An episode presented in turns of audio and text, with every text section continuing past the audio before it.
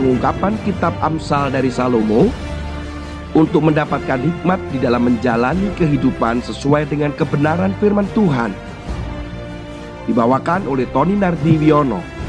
Selamat mendengarkan.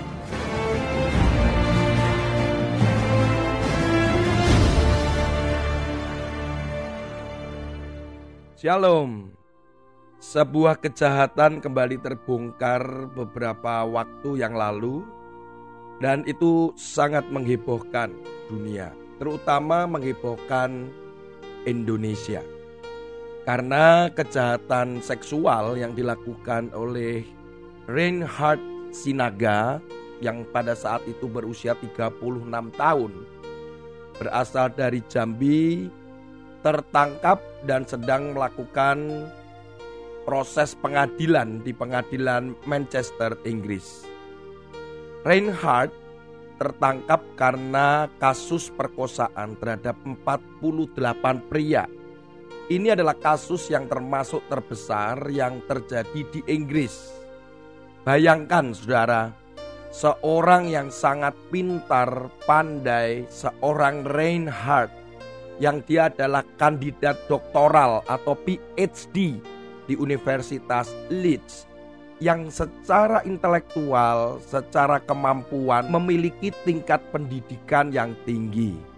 Tetapi mengapa seorang Reinhardt bisa jatuh di dalam perjinahan atau kejahatan dalam hal ini dengan memperkosa 48 pria yang dilaporkan dan diketahui dan di rumahnya atau di tempat atau apartemennya terdapat 250 DVD atau 300 ribu foto dan video yang berisi film-film kegiatan seksual yang besarnya sampai 3,29 tera. Kejahatan Reinhardt terungkap pada tahun 2017.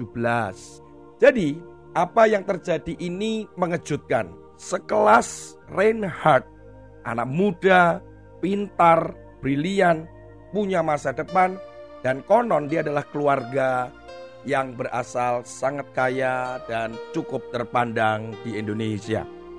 Bukan hanya seorang pelajar saja bisa jatuh di dalam perjinahan atau kegiatan seksual yang mana menjatuhkan reputasinya, tetapi juga demikian pula sekelas Bill Clinton Presiden Amerika, negara adidaya pun jatuh di dalam perselingkuhan dan skandalnya yang terkenal dengan skandal Lewinsky Gate atau dengan Monica Gate.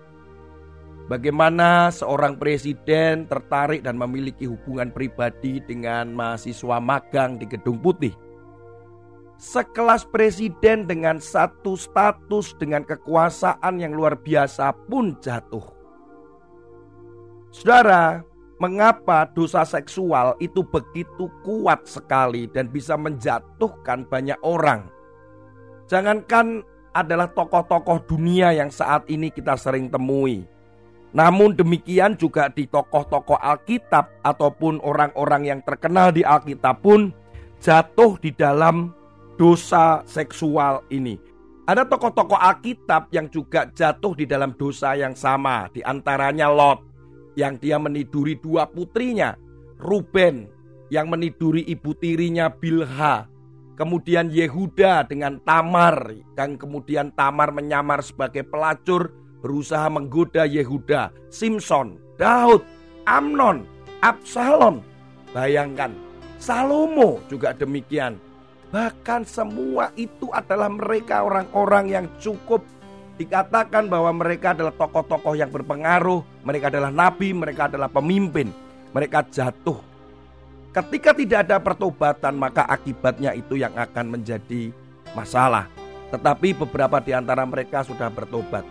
Kenapa dosa seksual itu begitu kuatnya dan itu menjadi ancaman bagi setiap anak Tuhan.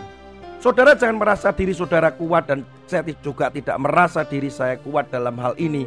Tetapi kita harus tahu bahwa ada celah yang bisa masuk di mana dosa seksual ini bisa mengancam saudara dan saya. Firman Tuhan katakan di dalam Amsal pasal 2 ayat 19, supaya engkau terlepas dari perempuan jalang, dari perempuan yang asing, yang licin perkataannya. Salomo menulis bahwa ketika ada di sekitar kita perempuan-perempuan yang bisa merayu kita. Mohon maaf, bukan berarti kemudian hanya perempuan saja yang menggoda laki-laki, tapi kita akan melihatnya ini secara general bahwa godaan seksual yang dilambangkan oleh perempuan jalang dan perempuan asing itu adalah lambang dari sebuah dosa seksual.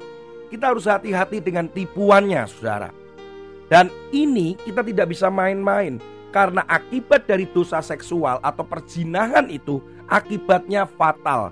Kalau kita melihat bagaimana Bill Clinton sebagai tokoh presiden waktu itu dia jatuh dengan berbagai cara dia berusaha bangkit lagi. Kemudian belum tokoh-tokoh dunia yang lain. Sementara yang di tokoh Alkitab kita melihat bahwa bagaimana nasib daripada Lot. Kemudian juga Simpson yang akhirnya memang bertobat. Tetapi apa yang terjadi ketika dia ditangkap, dipermalukan. Apa yang terjadi pada Amnon, pada Absalom. Kemudian Daud yang akibatnya sebenarnya. Daud itu juga terjadi beberapa akibat yaitu dengan kematian anak-anaknya. Dan ini memang akibat yang sangat tidak main-main saudara.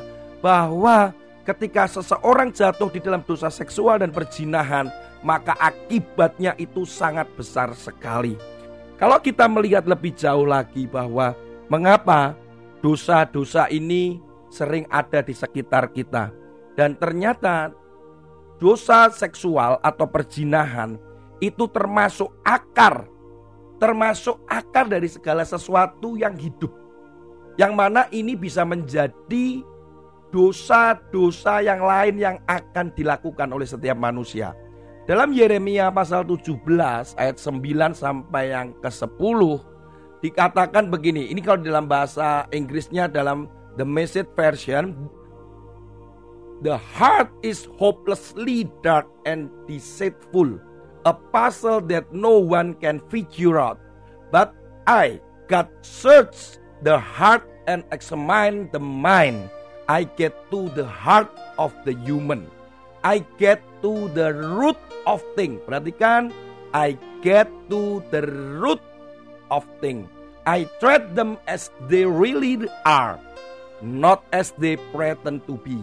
Jadi hati-hati dikatakan ada yang namanya akar dari segala sesuatu dalam hidup mereka. Ini akarnya apa? Ada tiga akar yang sangat berbahaya bagi manusia. Salah satunya adalah akar kenajisan. Yang kedua adalah akar kepahitan. Yang ketiga adalah akar cinta akan uang. Dari cinta akan uang akan muncul seperti apa? Dari akar kepahitan akan muncul seperti apa dan demikian pula dari kenajisan akan muncul apa. Nah, kenajisan inilah yang akhirnya muncul dengan dosa seksualnya. Baik itu menjadi seks bebas, perjinahan itu dalam bentuk perselingkuhan, kemudian dengan orientasi seksual yang berbeda dan itu terus terjadi seks dengan binatang dan sebagainya.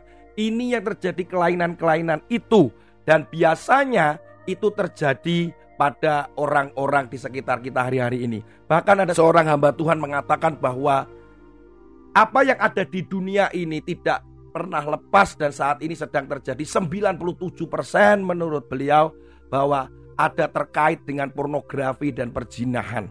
Dan ini sangat berbahaya sekali. Hamba Tuhan pun bisa jatuh.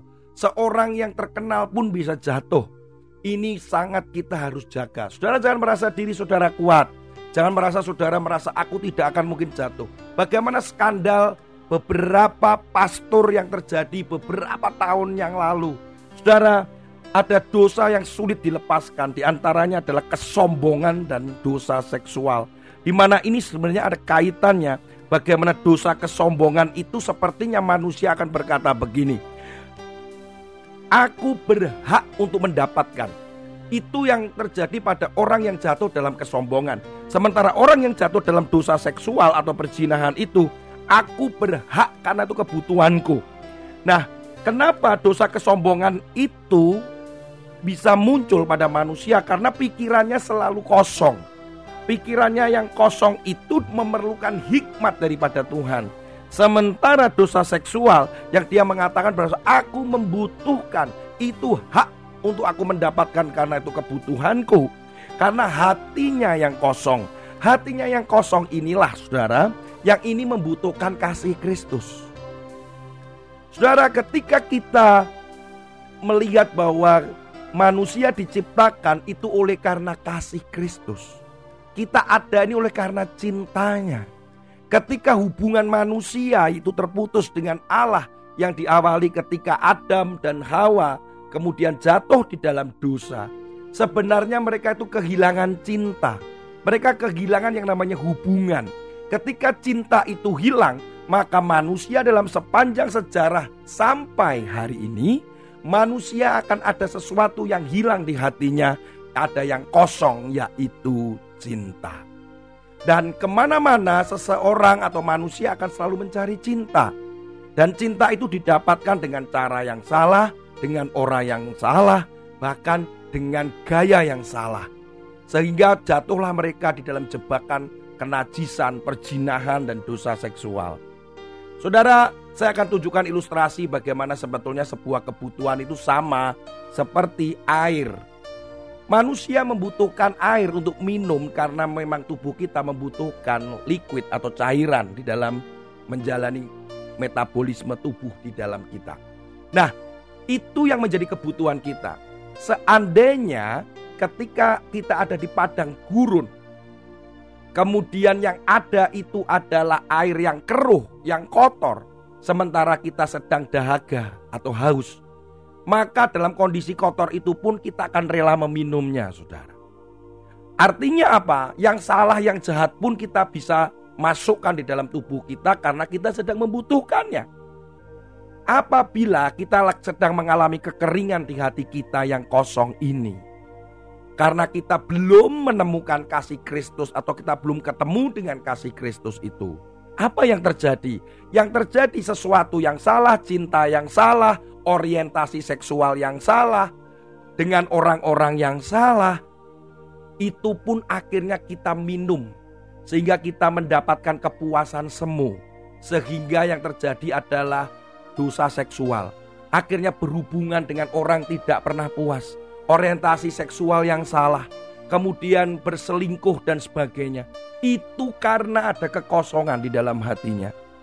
Nah, Bapak Ibu sekalian, saudara, Bagaimana supaya kita bisa jauh dan kita bisa menghindari ini? Yang pertama adalah temukan kasih Kristus di dalam hidup saudara dan saya. Temukan itu yang mengisi kekosongan. Milikilah keintiman pengalaman cinta Tuhan. Yang itu yang mengisi hati saudara. Sehingga saudara nggak perlu lagi mencari air yang keruh. Dengan kata lain, cinta yang salah, orientasi yang salah. Dalam kenajisan-kenajisan yang ada di sana. Yang kedua adalah hidup dalam komunitas yang saling menguatkan, mengingatkan, menasehati. Yang ketiga adalah kita mengisi firman Tuhan itu di dalam pikiran kita. Karena di situlah akan menjadi guidance, di situlah akan menjadi tuntunan dan menuntun saudara dan saya. Hati-hati dengan dosa seksual ini saudara. Dan di sekitar kita ada dan sering kali terjadi saya percaya dan saya berdoa supaya saudara tetap kuat. Tetap kuat menjaga kekudusan. Tuhan Yesus memberkati.